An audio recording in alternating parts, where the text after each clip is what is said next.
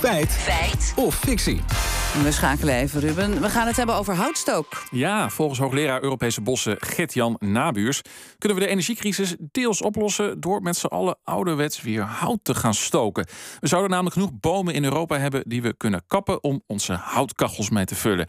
Ja, en dan hoeven we de verwarming natuurlijk niet meer aan te zetten. Ja, lazen we in de krant uh, vanochtend. Het, het, zou ideaal zijn. Het scheelt deze winter een hoop in kosten voor uh, het gas. Maar uh, is het feit of fictie? Kunnen we door houtstook een deel van de energiecrisis echt oplossen? Nou, voor houtstook heb je natuurlijk hout nodig. En daar kom je altijd terecht bij Staatsbosbeheer. Maar dat is veranderd. Imke Boerma van Staatsbosbeheer vertelt me namelijk het volgende.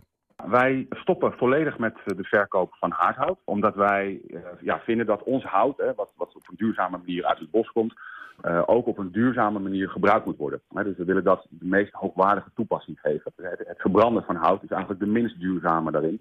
Omdat de op, opgeslagen koolstof die in dat hout zit, ja, die komt bij verbranding eigenlijk direct weer vrij. Ja, houtstoken is geen duurzame optie. Nou, dat ligt wat ingewikkelder. Daarover spraken we met Martin Jonginger, hoogleraar Biobased Economy aan de Universiteit Utrecht. Ja en nee. Op de korte termijn ja. Als je hout verbrandt, dan komt er om dezelfde hoeveelheid warmte te produceren ongeveer twee keer zoveel CO2 vrij als als je aardgas zou verbranden. Dus op de korte termijn komt er inderdaad uit de schoorstand twee keer zoveel CO2. En dat is op een korte termijn, zoals ze zegt, schadelijk voor het klimaat.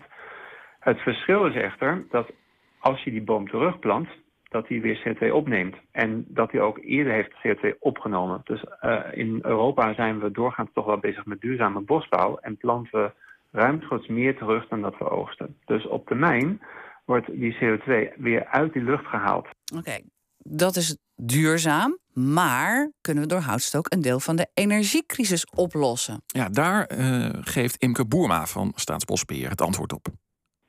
Ja, theoretisch wel. Um, hout is natuurlijk van oudsher een hele belangrijke energiebron voor, uh, voor de mens. Al sinds de prehistorie wordt dat natuurlijk, uh, wordt dat natuurlijk gebruikt. Um, en hij heeft ook gelijk in zijn uitspraak uh, dat je ook tijdelijk meer zou kunnen kappen om aan die vraag te kunnen voldoen. Nou ja, nog meer bomen kappen is niet goed voor het milieu. Dat zou je zeggen, ja. Maar als je dat dus zorgvuldig doet, valt dat wel mee, legt hoogleraar Jonginger uit. Um, afhankelijk van waar je oogst, moet je dus goed opletten dat je niet te veel oogst en dat je slim oogst. Dus wat Gert-Jan ook al aangeeft is dat je bijvoorbeeld moet dunnen, dat je het uh, bos moet verjongen. Dat je het beste bomen kunt oogsten die je kunt gebruiken voor zaaghout. En dat je dan het hout wat niet gebruikt kan worden voor meubels of voor papier, dat je dat extra gaat gebruiken voor energie. En dat je het bos verjongt, zodat het weer ook meer CO2 kan opnemen, zodat je ook de klimaatcrisis oplost. Even terug naar die houtstook. Uh, nog niet zo lang geleden toch was er ophef over de fijnstof die, fijn, die vrijkomt met het stoken van hout? Ja, klopt. Veel mensen maken zich uh, zorgen om de luchtkwaliteit rondom houtkachels. Maar goed nieuws, ook dat valt wel mee, vertelt Jonginger. Behalve bij open haarden, dat zijn volgens hem de echte fijnstofbommen. Tegelijkertijd heb je ook hele moderne pelletkachels en, en houtkachels die uh, hele goede verbranding hebben, waar die fijnstofemissies een factor 100 lager zijn dan bij een open haard.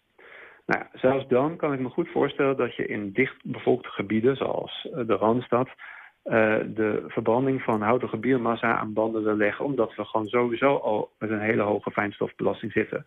Maar als we kijken naar heel Europa, waar je heel veel landelijke gebieden hebben, dan is die fijnstofbelasting een veel maar lager. En kun je wel degelijk uh, ervoor pleiten om met een moderne pelletkachel uh, hout te verbranden. Want overal zou dat niet een enorme grote impact hebben op de omgeving. Oké, okay, de conclusie. Uh, feit of fictie, houtstook kan een deel van de energiecrisis oplossen? Ja, het is een feit, mits er voldoende bomen worden teruggeplant voor ja, die bomen.